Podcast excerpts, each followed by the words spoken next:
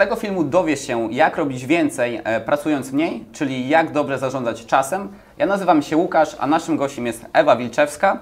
E, Ewa zajmuje się strategią personalną i komunikacyjną oraz pomaga budować efektywne zespoły i organizować pracę. Jeżeli interesuje Cię świat biznesu, chcesz rozwinąć swoją firmę, to kliknij koniecznie subskrybuj po to, żeby być na bieżąco i żeby uczyć się nowych rzeczy prosto od praktyków na naszym kanale. Czy czasem można zarządzać? To jest y, najlepsze pytanie, jakie, jakie można zadać. Mm, Bardzo często tak mówimy, że zarządzamy czasem. Natomiast y, no, gdybyśmy się tak zastanowili nad tym czasem, to pytanie, czy on w ogóle pozwoli nam sobą zarządzać. On po prostu płynie bez względu na to, y, co my zrobimy, czy nic nie zrobimy, on po prostu płynie. Więc no, chyba nie możemy powiedzieć, że, że możemy zarządzać czasem. Możemy natomiast zarządzać sobą, zarządzać naszymi działaniami, zarządzać tym, co zaplanujemy w tym właśnie czasie. To tak. Natomiast samo zarządzanie czas, czasem, no niestety ten czas jest bardzo bezwzględny, będzie nam uciekał, ale z drugiej strony jest bardzo hojny i spolegliwy, bo w zasadzie oddaje nam siebie do swojej dyspozycji. To od nas zależy, co z nim zrobimy. Nie? Też co ja zauważyłem, to im starszy jestem, e, tym coraz mam wrażenie, że ten czas szybciej płynie, więc bardzo ważne jest umieć dobrze zarządzać sobą w czasie, w szczególności jak mam znajomych, którzy mają dzieci, to też widzę, że Tak. coraz czasie, ten czas coraz szybciej płynie. W takim razie po co zarząd- zarządzać swoim czasem?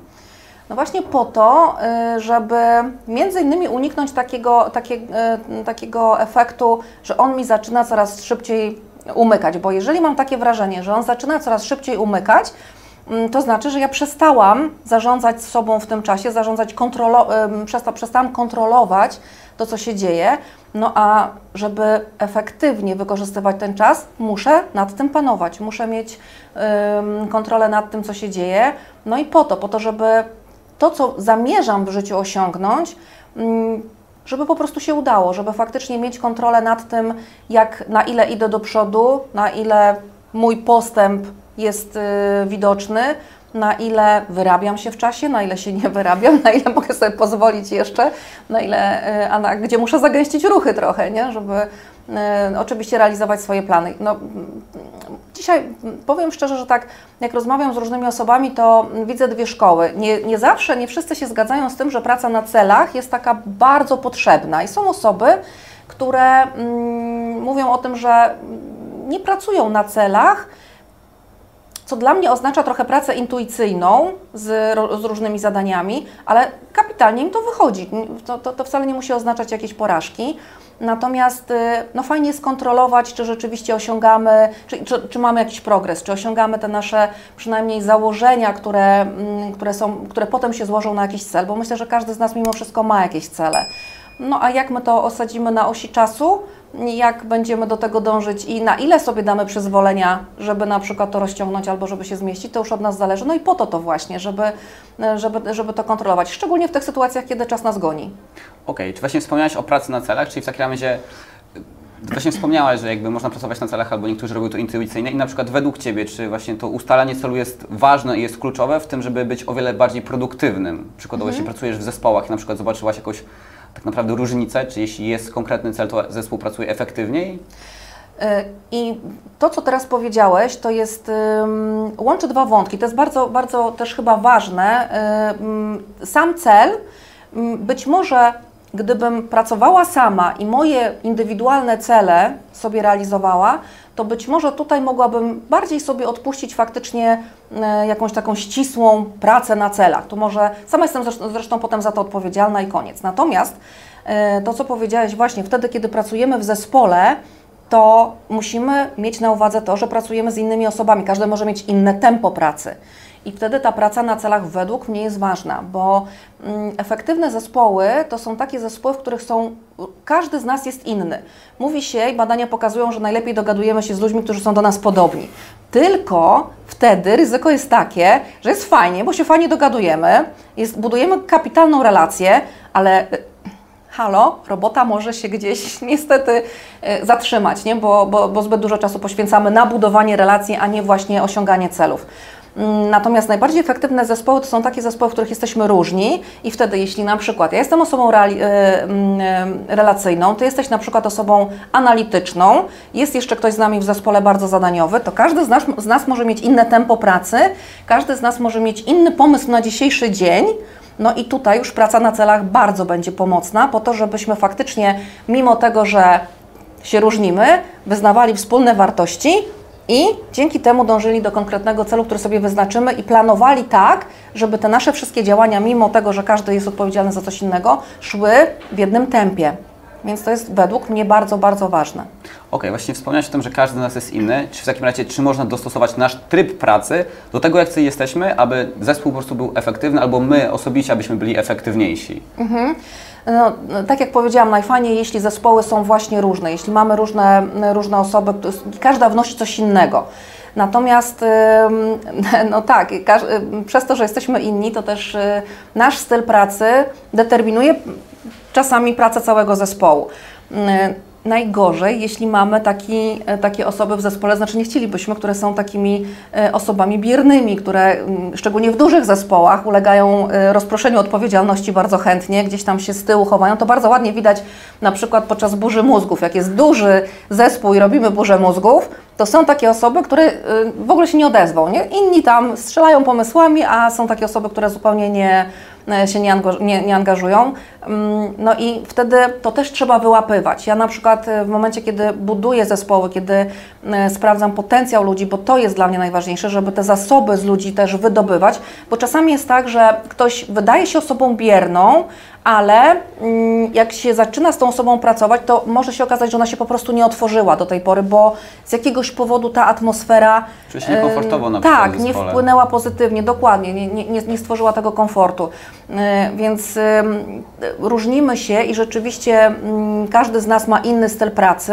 Natomiast jeśli się siebie nauczymy nawzajem, jeśli pracujemy w zespole i jest osoba, która potrafi moderować pracę tego zespołu, y, dostosowując wszystko do modelu osobowości tych poszczególnych osób, które ma, to ten zespół będzie naprawdę kapitalnie efektywny, bo wśród tych osób będzie też osoba efektywna. Mm, Zawsze będzie tak, że będą osoby, które będą takimi frontmenami, trochę nie będą te, które potrzebują czasu na adaptację. Ja na przykład sama jestem taką osobą, że jak wchodzę do nowego zespołu, to mimo tego, że na co dzień mam bardzo dużo charyzmy, bardzo dużo pomysłów i mm, wiele rzeczy y, inicjuję w działaniach, mm, to w nowych zespołach lubię się najpierw poprzyglądać. Ktoś mógł, mógł powiedzieć, kurczę, ona w zasadzie tu nie, nie, niewiele wnosi na dzień dobry, nie? a ja potrzebuję te, tej chwili, żeby się przyjrzeć właśnie po to, żeby zobaczyć, y, z kim mam do czynienia i potem swój styl pracy też dopasować, żeby on był mm, jak najbardziej też y, wkomponowany po prostu w to, co, w to, co się dzieje. Nie?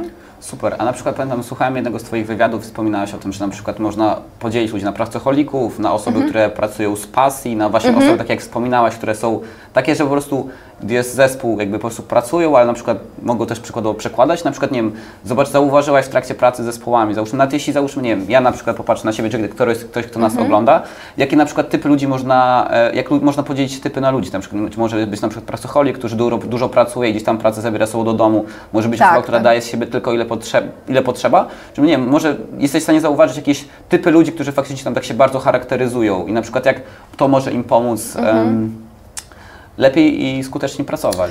Jasne, jeśli chodzi o pracoholizm, to pewnie zawsze w każdym pokoleniu znajdą się takie osoby, które, e, które są pracocholi- pracocholikami, chociaż mam takie wrażenie i powiem szczerze, że trochę wyraż, e, wyrażam taką nadzieję, że ten pracoholizm trochę nas opuści.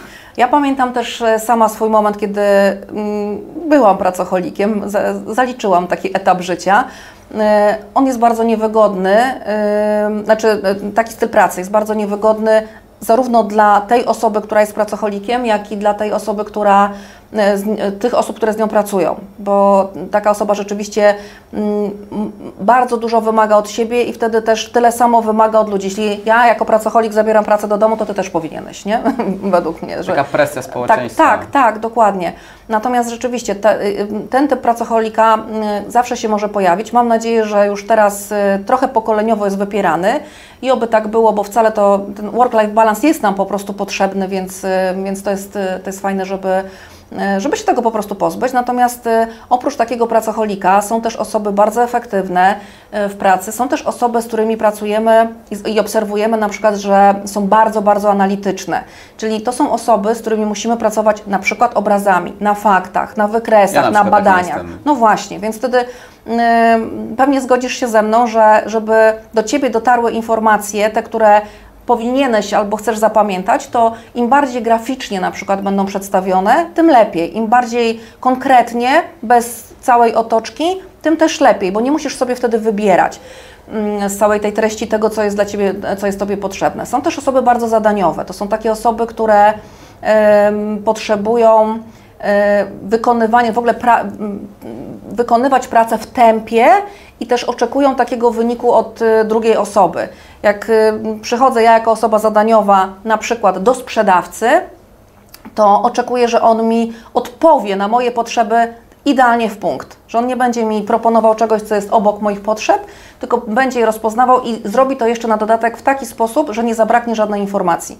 I będę oczekiwała też szybkich decyzji, nie jako osoba na przykład zadaniowa. Ale są też osoby bardzo ekspresyjne, takie, które bardzo szybko budują relacje.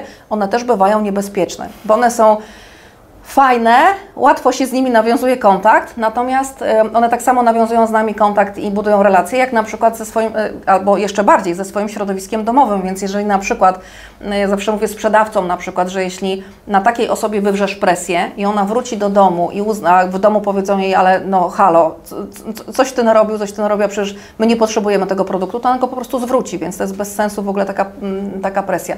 Natomiast tych ludzi trzeba rozpoznawać, bo mm, żebyśmy pracowali efektywnie, to musimy wiedzieć mniej więcej właśnie jak, jak, czym taka osoba dysponuje sama w sobie, jakimi zasobami, jak ona się zachowuje, jaki ma styl. Dokładnie, jak, jaki ma styl pracy. I wtedy ja nawet tworzyłam testy osobowościowe we współpracy z psychologiem, po to, żeby mm, pokazać ludziom, właśnie wy, wyznaczyć te typy. One jeszcze tam inaczej e, są zdefiniowane, ale po to, żeby właśnie pokazać, że każdy z nas może być inny i jak pracować w związku z tym, z takimi osobami. Żebyśmy my się też uczyli siebie nawzajem, bo no, po to właśnie jesteśmy tacy inni, żeby żeby ta efektywność, żeby każdy wniósł coś innego i tą efektywność podniósł, nie? Bo to no wtedy, jak, jest, jak jesteśmy tacy sami, to albo bardzo do siebie podobni, to mm, zazwyczaj mamy bardzo podobne też pomysły i kończą nam się pomysły w tym samym momencie. I to jest to niebezpieczeństwo, ta ściana, w której niestety, której nie przeskoczymy. Jak jesteśmy różni, to zawsze się znajdzie ktoś i powie, aha, ale ja to jeszcze widzę inaczej. Ja to jeszcze widzę z innej strony. A w ogóle moje doświadczenia to pokazały, że i tutaj mamy jeszcze i nowe jakieś jeszcze pojawiają się inspiracje. To właśnie tego, tego, co mówisz, ostatnio tutaj też jestem studentem Asbiro. E, Mieliśmy zajęcia prawie 8 godzin cały dzień odnośnie testów Galupa. Osobiście sam robiłem i e, właśnie nasz wykładowca wytłumaczył nam wszystko, jak to wygląda. Na przykład e, analizował przypadki osób, które już zrobiły testy i mi to otworzyło oczy, nad czym potrzebuję pracować, w czym jestem dobry, w czym tak naprawdę, że nigdy nie będę dobry, jakby mogę nad tym pracować, ale to nigdy nie będzie moja mocna strona. I to właśnie to, co mówisz właśnie, żeby pracować na swoich talentach i na tym, na Tak. czym jak- czy faktycznie jesteśmy. Więc w takim razie dziękuję Ci za nasz wspólny wywiad. Dajcie znać w komentarzu, jakie na przykład Wy macie tipy i co Wam pomaga w e, zarządzaniu w czasie, w, e, za, zarządzaniu czasem e, u siebie. Więc jeśli Wam podobał się ten materiał, dajcie lajka i zostawcie po prostu to, co myślicie w komentarzu. Dzięki i do następnego nagrania. Dziękuję bardzo.